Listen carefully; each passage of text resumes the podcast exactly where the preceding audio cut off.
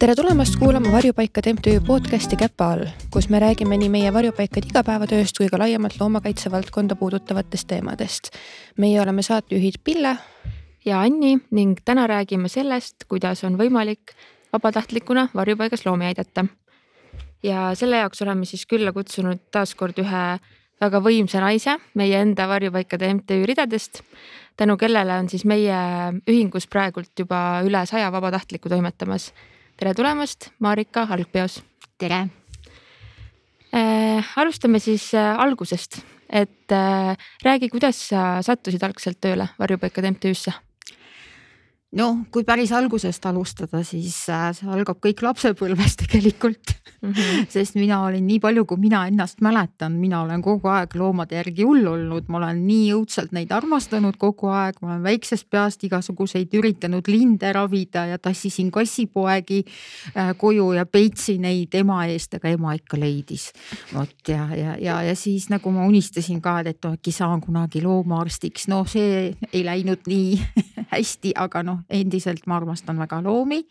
Ja siis ma töötasin sellistes kohtades, mis nagu mulle üldse nagu ei ole nagu südamelähedased ja ma unistasin, et issand küll oleks tore, kui oleks meil mingi tore varjupaik, kuhu saaks tööle minna. Ja siis, kui Tallinnasse siis hakati planeerima varjupaika, siis äh, mina olin seal ka juba ootamas, millal see avatakse ja siis tulingi niimoodi tööle, olin esimene administraator Tallinna varjupaigas. olid juba põhimõtteliselt ukse taga ootamas? olin, juba ootasin ja mul on nii hästi meeles ka, kui see Tallinna varjupaik avati ja siis me tulime kõik, kogu kollektiiv, kes seal siis oli.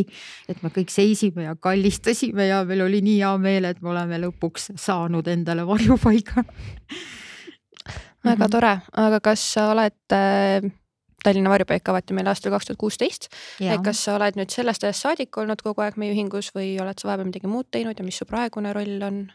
Äh, ma, ma olin aasta aega administraator, siis ma olin äh, vabatahtlik, tõlkisin venekeelseid äh, tekste ja siis nüüd tulin tagasi, sest et ma vahepeal töötasin loomapoes, siis ma läksin loomakliinikusse tööle ja töötasin seal mitu aastat ja, ja, ja siis, kui ma nägin kuulutust, et otsitakse vabatahtlikke, vabatahtlikku koordinaatorit, siis mina mõtlesin, et issand, see on ju see täpselt see, mis mulle meeldiks mm. -hmm. ja kandideerisin ja sain äh, räägime natuke sellest nii-öelda administraatori ajast mm, -hmm. et äh, noh, me Pillega mõlemad oleme ka selles rollis on ju olnud, et äh, kas sul on äkki tuua mõni eredam kogemus või mõni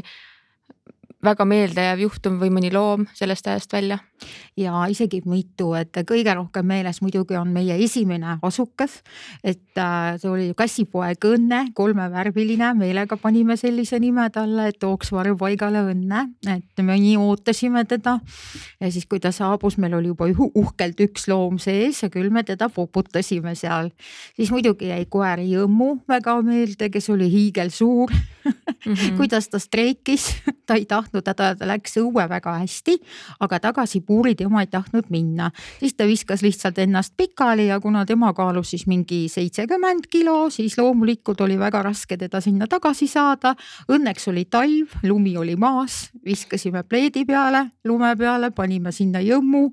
jõmmu siis vedasime tagasi puuri mis oli väga armas, et muidugi olid küll siuksed omapärased loomad, kes tõesti jäid meelde, et äh, seesama Sofia, kes oli sihuke hästi metsik ja kelle mm, sotsialiseerimisega läks väga palju aega, see oli üks kassike. siis oli üks koer, kelle nime ma kahjuks nüüd enam ei mäleta, aga Kane Korsu vana loom oli, kes läks mulle ka nii südamesse, et üheteist aast-, ei jah, ka, ka jah ja, ja et, et lihtsalt omanik loovutas teda ja siis ta oli vaesekene nii õnnetu ja siis me kõik elasime talle kaasa, et noh, ikka jäävad siuksed lood meelde. Ja Jõmmut ma isegi tean ka ja ma tean, et äh, õuest kodust on ka, olen näinud sotsiaalmeedias, et neil läheb ka. super hästi ja, ja Jõmmu oli ju tegelikult ka vist väärkoheldud eelnevalt. ja, ja, ja siis... ta oli leitud kuskil pargis, ta kaalus mm -hmm. palju vähem, kui ta pidi kaaluma. jah, just aga ta sõi tõesti endale maailma parima kodu, ma jälgin ka vahest neid mm. -hmm nii tore, aga mis sa ütleksid, et selles valdkonnas töötades on sinu jaoks kõige raskem osa, mis on need asjad, mis toovad rõõmu mm? -hmm. no kuna ma olen ka loomakaitsja, et ma olen Loomakaitse Seltsi vabatahtlik ka päris pikalt, juba kümme aastat pluss et noh, ma võin öelda, et mina olen igasuguseid asju näinud, et äh, ma ei saa öelda, et kasvab mingi paks nahk sulle peale, ei kasva ikkagi, kui sa näed mingit väärkoheldud looma, et sa ikkagi noh, see empaatiatunne on nii suur, et sa elad sellele loomale kaasa ja võtab ikka pisara silma ja kliiniku töö ka vahest äh, võimaldab selliseid asju. aga jah, et muidugi kõige suuremad äh, õnnehetked on siis, kui sa näed oma töö tulemusi, kui sa näed, et sa said reaalselt üht ühte looma aidata, et tema elu on täielikult muutunud, ta sai endale hea kodu. ta on terveks ravitud, ta näeb hoopis paremini välja, mis ta ennem oli.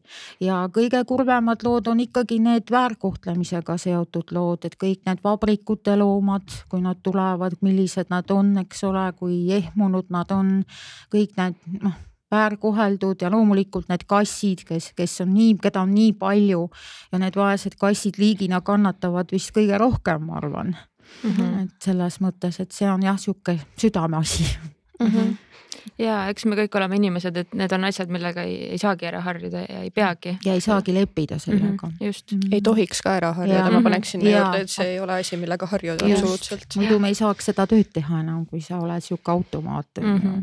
Mm -hmm ja meil on äh, sihuke kurikuulus küsimus, mida me küsime kõikidelt mhm. meie mm -hmm. külalistelt. et äh, see on siis niimoodi, et kui jätta kõik see ametinimetus kõrvale ja kõik töö, tööga seonduv mm, -hmm. siis kuidas sina ennast kirjeldaksid ja kes sa inimesena oled? aitaja, aitaja, abistaja ja loomainimene läbi ja lõhki mm. -hmm väga hea vastus ja jällegi jõuame sinna, et ikkagi meil loomakaitse valdkonnas töötavatel inimestel on ka see nii-öelda töö käib ka isikliku eluga alati kaasas, on ju, et ja. see on nagu osa meist nii-öelda. jah, ei saa ei üle ega ümber nendest loomadest ei saa jah aga kui me lähme nüüd sinna töö juurde mm, -hmm. et sa mhm. rääkisid, et äh, sa oled meil vabatahtlike koordinaator, et räägime ja. natukene sellest vabatahtlikkusest, et võib-olla alustakski sellest, et kui kellelgi tuleb mõte, et ah, ma nüüd tahaks aidata ja teha, et mis on need esimesed sammud või kuidas, kuidas saada üldse varjupaikade MTÜ vabatahtlikuks? ja esimene samm on minna meie varjupaikade MTÜ lehele äh, varjupaik.ee, leida selline koht nagu toeta ja seal on veel selline koht omakorda tule vabatahtlikuks. et seal on päris palju infot meie vabatahtlikust tööst ja seal on ka see vabatahtliku sooviavaldus, mille tuleb siis täita ja see avaldus mm, tuleb minule meilile ja mina võtan inimesega ühendust ja siis me hakkame nagu edasi tegutsema. See on nagu sihuke esimene samm, siis järgmine samm on siis meie kohtumine, et me kas kohtume veebis, kui on inimene kuskil kaugel Eestist, mina olen Tallinnas füüsiliselt või siis lähme varjupaika kohale ja siis teeme tutvumiskohtumist ja kui kõik meeldib, siis inimene allkirjastab lepingut ja teeb praktika ja teeb teooria läbi ja siis saab iseseisvalt alustada mm. -hmm. Mm -hmm. minu arust on hästi levinud see arvam-, arvamus, et äh, vabatahtlik äh, tulebki varjupaika ja siis saab koertega jalutada. et Marika, räägi natuke sellest, et kas, kas see on nii? Ei, äh, ja võib-olla kunagi see oli niimoodi, et inimene nagu tuli ja tahtiski ainult koeraga jalutada, aga noh, siin me, meie no, me oleme natuke arenenud selles mõttes, et me ikkagi lähtume alati eelkõige loomade heaolust ja teiseks ikkagi varjupaiga vajadustest. me õpetame inimesi tegelema kõikide loomadega, kassidega, koertega ja noh, ka ärilisi tuleb varjupaigas, eks ole, ette ja küülikuid. et selleks, et me kunagi ei tea, ma räägin ka tutvumiskohtumistel alati, et, et varjupaigas ei ole kunagi rutiini, me ei tea, mis päev meile toob. kas meil sajab sisse üheksakümmend tšivauat või kuuskümmend pärsia kassi või mida iganes ja siis on vaja abikäsi ja loomulikult see kõik ma räägin ka seda, et äh, varjupaigatöötajatel on alati tööd meeletult palju ja et äh, võibki tulla ette, näiteks siin oli lumesadu, on vaja lund mhm. rookida, on ju. või on mingid heakorratööd, ma ei tea, rohu niitmine. et kõik on see, mis võtab selle koormuse varjupaigatöötajatelt maha, et millega inimene reaalselt saab aidata, sest et noh, kui me aitame varjupaigatöötajaid, järelikult me läbi selle aitame ka loomi, et mm -hmm. siis on rohkem tähelepanu ka loomadele mm. -hmm. nii et, et jah, et see muidugi saab nii koertega jalutada ja kiisudega mängida, see on ka väga oluline, seda nimetatakse päeva rikastamiseks ja sotsialiseerimiseks ja see on ka väga-väga oluline osa sellest tööst mm. -hmm mul on hästi hea meel, et sa need heakorratööd tõid ka välja just selle lume lükkamise, et nüüd jah, mõned päevad tagasi meil oli ju sihuke tohutu lumeuputus. ja siis oligi üks vabatahtlik, kes oli varasemalt ennast kirja pannud, et ta tuleb. aga varjupaika kohale jõudes olidki siukse korralikud talveriided seljas ja valmis, et okei okay,, ma nägin, et lund on vaja lükata ja lähen ja hakkan lükkama ja siis Nii lükkaski seal üks, et noh, tõesti super inimene, et me väga tänulik, et sellised inimesed on meie ridades tegelikult, kes aitavadki seal, kus vaja on. ja just ja üleüldse mina olen väga tänulik üldse kõigile inimestele, kes üldse tahabki, avaldab üldse soovigi sellist tööd teha, sest me no peame olema ausad, et ikkagi leida aega tänapäeva elus oma töö ja pere kõrvalt, oma isikliku elu kõrvalt selleks, et kedagi aidata. see on ikkagi kulda väärt mm. -hmm. et no tõesti, et inimesed, kes tea seda teevad, nad väärivad igasugust austust, et reaalselt, et ma olen ülitänulik sellistele inimestele ja väga austan neid mm. -hmm. jah nõus. või, või jah okay.. Sorry, ma tooks korra sisse veel ka selle poole, et meil on ka tegelikult üldosakonna vabatahtlikud, et võib-olla Marika räägid natuke sellest poolest ka. ja muidugi, et ei ole ainult niimoodi, et me saame ka ainult kohapeal käia ja loomadega tegeleda, meil on tegelikult töid väga palju pakkuda ja üldosakonnas meil on ka sotsiaalmeedia vabatahtlikud ja ID poole pealt mingeid äh, töid saab teha ja saab tekste kirjutada, keeleredaktoreid on, meil on ju oma ajakiri Käpa all, kus on ka vabatahtlikud toimetamas. nii et meil on tegelikult töid hästi palju ja saab ka näiteks üritustest osa võtta, mida meil nagu Tallinnas on päris palju selliseid heategevuslikke üritusi, et viimane nendest oli näiteks Rocca al Mare jõulumaa, kus oli siis ka meid kutsutud ja me olime esindatud ja saime loomadest rääkida, loomapidamiskultuurist ja et see on ka väga suur osa sellest tööst, nii et ma arvan, et igaüks, kes tahab tulla meile vabatahtlikuks, leiab enda jaoks midagi mm. -hmm fotograafid ja videograafid, kindlasti see on ka asi, mille tooks välja, et see on ka väga on oluline. väga oluline ja mm -hmm.. jah äh,, aga kas on mingisugused äh, kriteeriumid ka, et saada vabatahtlikuks, et okei okay,, see avaldus tuleb kirjutada mm, -hmm. aga milline, milline inimene peaks olema või kas on mingisugused asjad, mis tänu millele siis võib-olla ei saa tulla vabatahtlikuks? ei saa tulla, kui sa ei ole kaheksateist täis aastat muidugi, et sellepärast, et äh, noh, jah, me ei tahaks, et noh teatud riskid nii või teisiti koos loomadega töötades on mm. -hmm. ja et, et loomad võivadki olla stressis ja võivadki olla ettearvamatu käitumisega ja me kindlasti ei tahaks, et alaealised lapsed saaksid kuidagigi kannatada, kasvõi kriimustada. ja me oleme ka selle poole pealt, et me tahame inimese peale loota ja kindlad olla, et inimene vastutaks ikkagi oma oma lubaduste eest, mis on ka väga oluline, et kui mhm. inimene lubab tulla, siis ta saaks tulla, eks ole, ja teeks, et äh, praegu on jah, see kriteerium ongi ainuke see, et äh, sa oled täisealine ja noh me tahaksime, et inimene saaks panustada kasvõi poole aasta väitel ja teha kasvõi ühe, kahe kuni neljatunnise vahetuse kasvõi iga kolme nädala tagant, see on selline miinimum. aga ütlen kohe, et meil on inimesi, kes panevad nagu, nagu tööl iga päev kaheksa tundi, meil on valgakad, väga tublid, nii et iga mm, -hmm. igaüks saab valida ise nii palju, kui, kui ta tahab ja kui ta saab mm. -hmm. jah, ja nagu me kuulsime, et kui palju on neid erinevaid viise, kuidas saab aidata, siis ma arvan, et tegelikult igaüks leiabki endale midagi, et mõni näiteks ei saagi varjupaigas kohapeal käia, aga saab eemalt aidata, siis talle võib-olla sobibki see kas sotsiaalmeedia töö või, või lugude kirjutamine ja nii edasi, on ju. Mm -hmm. kas sul meenub mõni huvitav lugu ka seoses vabatahtliku tööga või näiteks mõni värvikam või huvitavam mm -hmm. vabatahtlik? Ja meil on värvikaid väga palju ja huvitavaid on meil ka väga palju ja tublisid meil on ka väga palju, et nagu ma mainisin juba, et Valgas on no kõige paremad vabatahtlikud meil, mitte kõige paremad, vaid kõige aktiivsemad, ei saa mm -hmm. öelda, et kõige paremad, kõik on head mm. -hmm.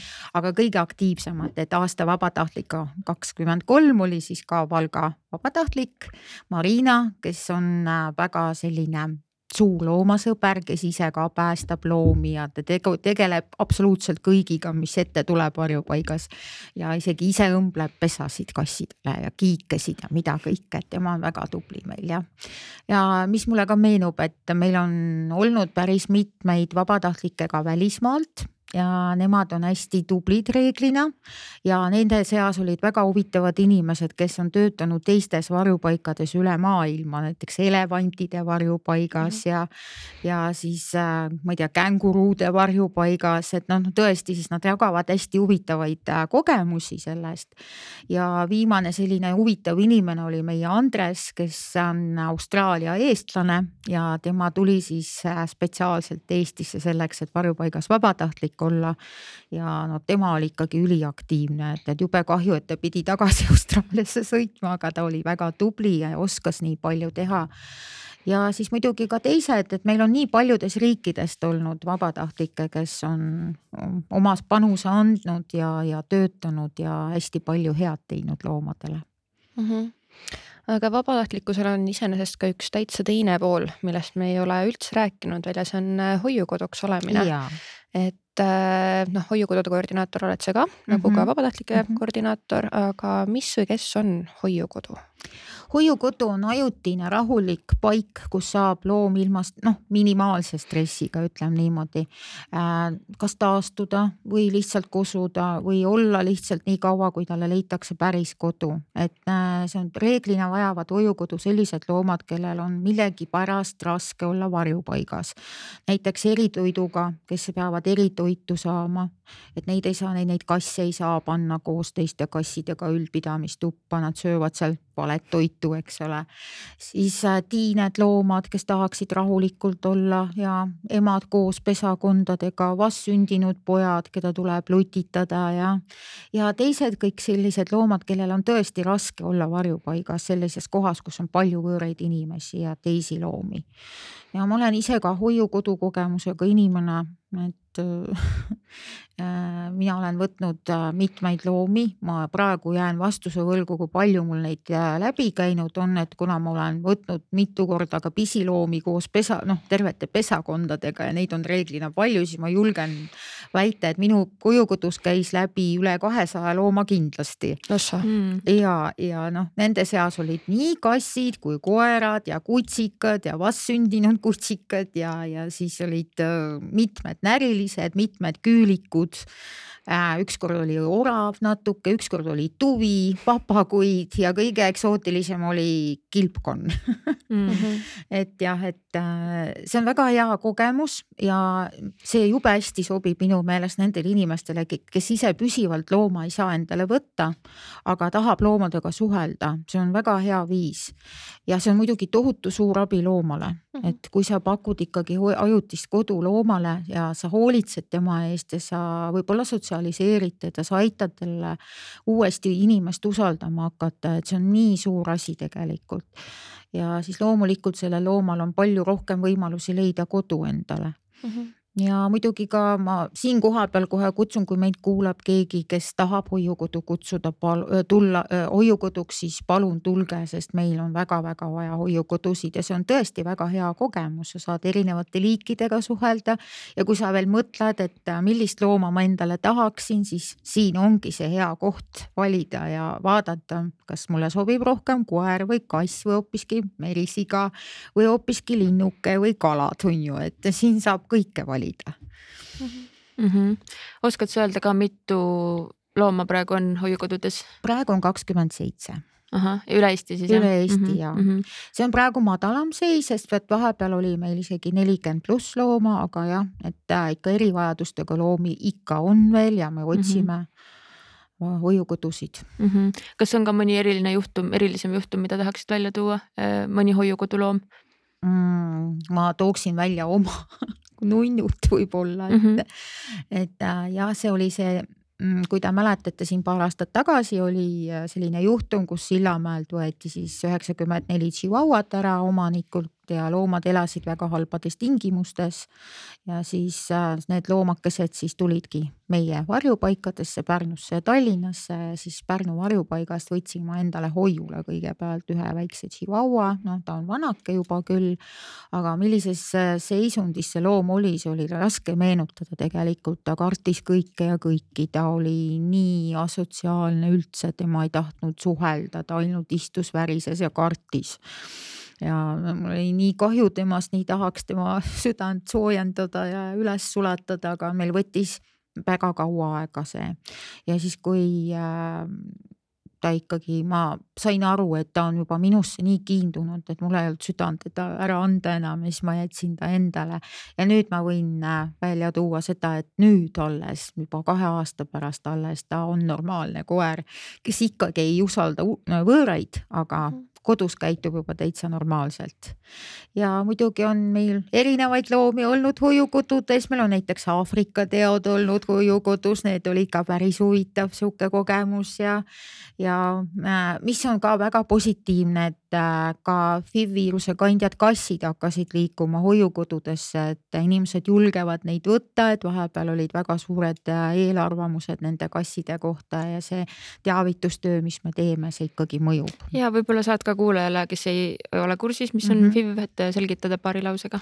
FIV viirus kassidel on sama viirus, mis HIV viirus inimestel ehk siis immuunsuse puudulikkuse viirus, aga mis nende vahe on, et kassist ei saa aidsi mitte kunagi, sest et need on liigisisene, see on liigisisene viirus ja teistele loomadele ja inimestele see ei nakka mm. -hmm okei okay., aga mina tulen siin jälle oma kriteeriumitega et kui vabatahtlikel on ainus kriteerium see, et oleks täisealine, kas hoiukodul kehtib ka see või kas on veel mingisuguseid kriteeriumi hoiukodule äh,? hoiukodu äh, noh kui see on näiteks, no loomulikult täisealine inimene on ju ikkagi ja kui on näiteks üürikorter, siis oleks hea teada, et omanik ei ole selle vastu, et loom tuleb sinna korterisse, et vahest noh, omanikud ei taha loomi aga muidu jah, me suhtleme Seelus äpis, seal saab täita ka vabatahtlikku sooviavaldust, seda saab, tähendab mitte vabatahtlikku, vaid juba hoiukodu sooviavaldust. sedasama saab teha ka meie kodulehel varjupaik.ee tule hoiukoduks, seal on ka see avaldus olemas ja mina kutsun siin kõiki aitama, et äh, kui sa tunned, et Äh, sa tahaksid mingi loomaga suhelda, tule aita, tule võta endale loom. Ja siin väga suurt potentsiaali ma näen näiteks eakates inimestes, kes on juba kodused, kes äh, saaksidki võib-olla võtta endale kassikese või koerakese ja kes on aktiivsed ja tahavad endale, ei taha olla üksindased, eks ole, ja siis see on väga hea võimalus tegelikult. Mm. -hmm minu meelest veel, mis on hästi huvitav, on see, et me oleme saanud äh, päris mitmest hoiukodust äh, tagasisidet, kus on väiksed lapsed ja on sihuke võib-olla mitte nii sotsiaalne kass läinud, et mm -hmm. kass on esimesena lasknud siis ennast äh, puudutada ja paitada just väikestel lastel. et see on ka mhm. sihuke asi, mida võib-olla inimesed kardavad natukene, et kui mm -hmm. ongi kass, kes ei ole nii sotsiaalne, et võtta sellist, siis aga tegelikult, äh, tegelikult see kassil aitab nii palju kaasa. et noh, oleneb kindlasti loomast ka mm, -hmm. aga lihtsalt see on selline asi, et mina enne varjupaika tööle tulemist küll ei oleks elu sees ette kujutanud, et, et sellistel kassidel mm -hmm. just mhm. lapsed on need esimesed mm. -hmm. et see on minu meelest hästi lahe ja hästi positiivne, lihtsalt tahtsin välja tuua. mina olen ka sellist äh, tagasisidet saanud ja kinnitan mm. -hmm aga kui äh, hoiukodus siis loomal ilmnevadki näiteks mingisugused käitumismured või, või isegi näiteks terviseprobleemid, et mis siis saab, kas inimene peab ise nendega hakkama tegelema? ei pea, ei, ta annab lihtsalt mulle teada sellest, et mina olen õppinud ka seda esmaabi triaaži tegema loomadele. et siis me koos otsustame, kui kriitiline see seis on loomal, vahest tuleb kohe kliinikusse põrutada, kasvõi öösel on ju. aga vahest võib lihtsalt näiteks paar päeva oodata, siis kui varjupaigaarst on kohal ja siis äh, kogu kulud katab ikkagi varjupaikade MTÜ, inimene ise ei pea midagi maksma, et ainult peab siis loomaarsti juurde viima mm -hmm.. okei okay., noh okei okay,, kliinikukulud äh, maksab varjupaik, aga kas mingisugused muud asjad peaks hoiukodu ise endale soetama a la liivakastid kassile, toidud kassile, koerale? et siuksed põhiasjad. kui inimene isa, ise ei saa või ei taha seda teha, siis loomulikult saab ka varjupaikade MTÜ-lt kõik need asjad koju kaasa loomaga mm. -hmm ja ma ise olen kohanud ka inimesi, kes ütlevadki, et nad noh, tahavadki osta nagu ise toitu näiteks mm -hmm. või et see ongi nagu annetus justkui on ju varjupaiga heaks. aga, aga jah, et alati, kui, kui on midagi tarvis, siis saab ju varjupaiga poole pöörduda. loomulikult, kui inimene hakkab näiteks kassi hoiukoduks ja tal pole kunagi kassi olnud, tal reaalselt ei olegi midagi mm, -hmm. aga mhm. kass vajab ikkagi päris palju asju korraga kohe on ju, nii et varjupaik ja. saab alati oodata mm, -hmm. aidata mm. -hmm. ja, aga kui on, ütleme, hoiukodul tuleb ette midagi sellist, et tal ei ole võimalik seda looma enam enda juures pidada, siis mis... äh, vaatame, mis me edasi saame, siis me lihtsalt kas leiame uue hoiukodu või siis alati varjupaik võib tagasi selle looma võtta mm. -hmm okei äh,, aga okei okay,, kui on ka selline olukord või ka üldiselt, et äh, kas ja kuidas saab hoiukodu kaasa aidata ka ise siis selle päris kodu leidmisele? Ja et, et muidugi, et äh, me alati räägime, et äh, inimesel, kes on hoiukodu, tema, temal ei ole õigust ise looma üle anda, kuna see kõik käib läbi varjupaiga, et äh, inimesega sõlmitakse leping, inimene peab täitma sooviavalduse. see sooviavaldus peab olema vastav et me mhm. ikkagi vaatame ka, et me nagu esimesele soovijale ei pruugigi pakkuda looma, et, et, et mis meil, mis tal sooviavalduses välja tuleb.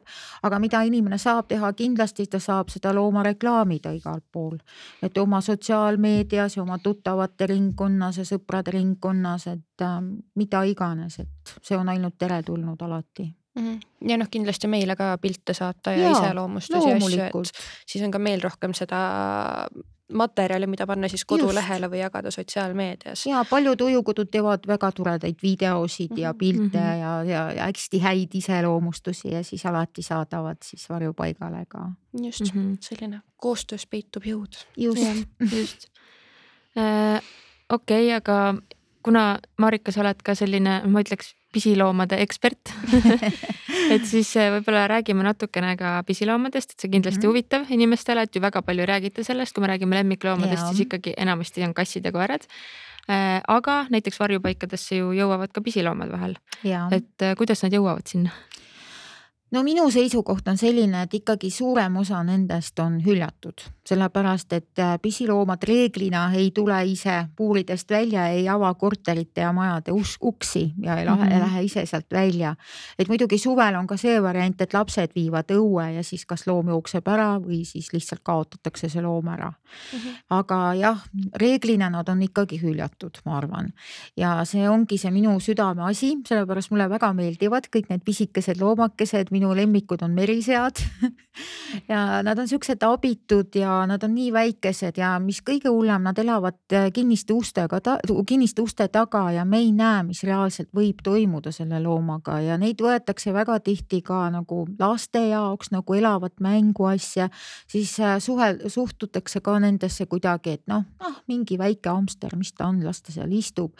Äh, minu kliiniku kogemusest ma olen kaks koge-, kaks korda kogenud sellist asja, et inimene, no reaalselt viimane juhtum oli lihtsalt no nii südamlik. terve pere tuli äh, hamstriga vastuvõtule tal oli kasvaja, tal oli vaja lihtsalt nagu noh ravida ja vaadata, kas on mingit tulevikku üldse ja kõik terve pere nutis, no see oli nii liigutav ja mhm. ma tean, on juhtumeid, kus inimesed opereerisid selliseid loomi ja maksid mingi üüratu raha, eks ju, mingi hamstri noh, ja teine mõtleb, ah, mis siin on, noh, sureb ära, võtan järgmise, on ju. et see on kõik see suhtumise asi. aga jah, et pisiloomi on meil ka päris palju olnud, eriti probleeme on küülikutega, kes on hästi nunnud ja neid võetakse selle nunnu välimuse pärast ja, aga üldse ei arvestata sellega, et see on päris raske pidamises loom. ta tegelikult ei ole üldse puuriloom, ta tahaks vabalt liikuda, aga sellega kaasneb palju probleeme mhm. ja inimesed lihtsalt kas hakkavad otsima siis uut kodu, mis on parim variant, on ju, või siis lihtsalt lastakse õue ja seal nad siis kalpsavad edukalt aga kas sul meenub äkki mõni huvitavam lugu, kuidas, kuidas mingid pisiloomad sattusid varjupaika? Mm, no näiteks seesama juhtum, kui toodi majoneesipurgis neid äh, kuus või mitu neid meriseapoega oli mm -hmm. seal, eks ole, lihtsalt inimene pani purki ja tõi, on ju, no Öö, öösel ka veel. jah, et äh, kuidagi noh, ei ütleks, et väga eetiline tegu mm. -hmm. ja mul meenuvad ka kuidagi sellised lood, et lihtsalt puuriga prügikasti kõrvale kuskil ja. prügikasti noh, konteineri kõrvale ja. nagu maha jäetud, et, et see on ju nagu noh, kindel märk, et ja. keegi tahtiski nad nagu ära visata, on ju. minu elus kõige jubedam juhtum oli siis, kui Paljassaares kusjuures mingi, ma ei mäleta, mis aasta see oli, mingi kümnendates oli see, et äh, jäeti mis tal oli, kolmkümmend viis või viiskümmend puuri pisiloomadega talvel jaanuaris lihtsalt visati maha nagu prügi ja loomad olid sees, loomad mm., linnud.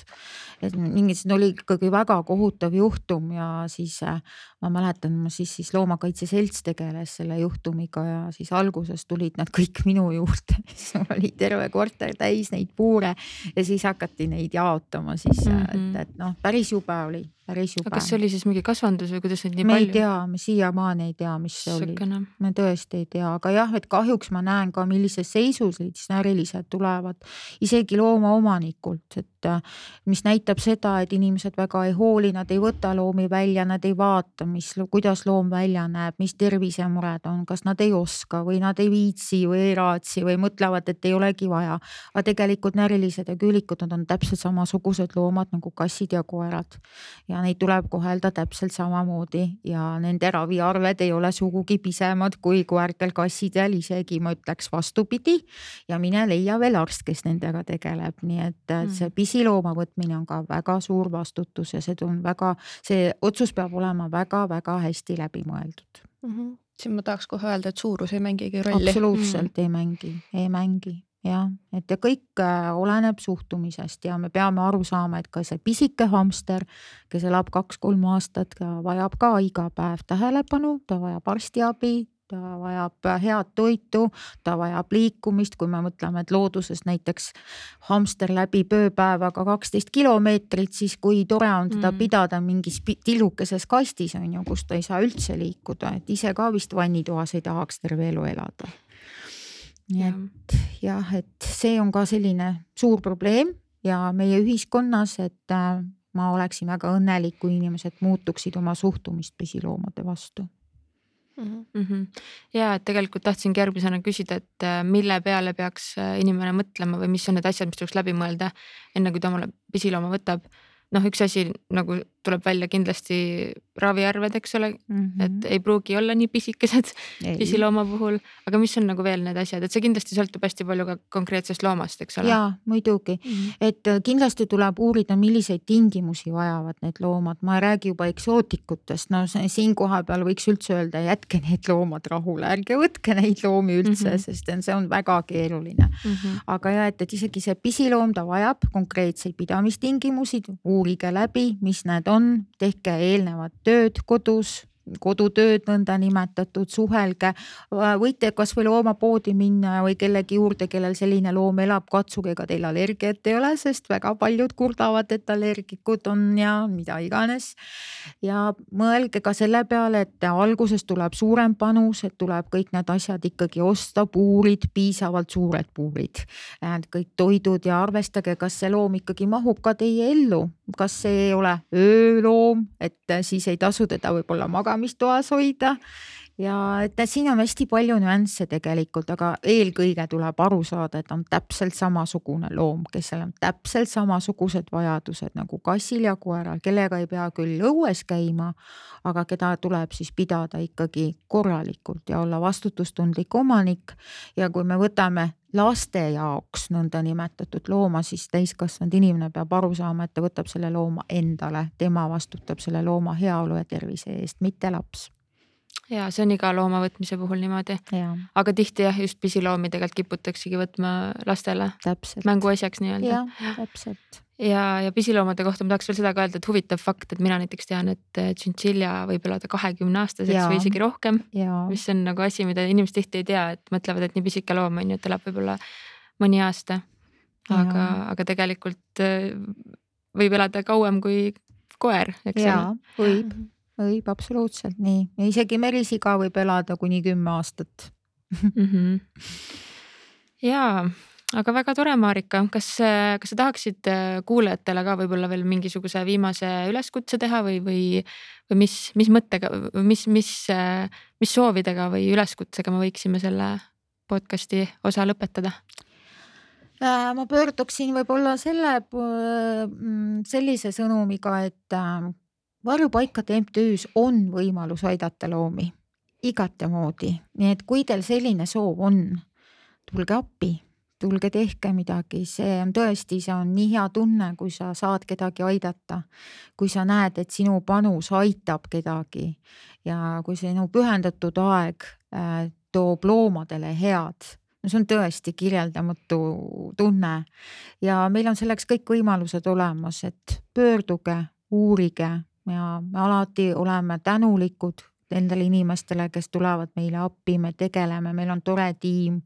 Äh, me suhtume vabatahtlikesse kui oma tiimi liikmetesse, nii et äh, palun ainuke liigutus, tehke see varjupaik.ee lahti, leidke see sooviavaldus, täitke ja muidugi abi noh, maailma päästmine, ütleme niimoodi, algab alati sinust endast, on ju.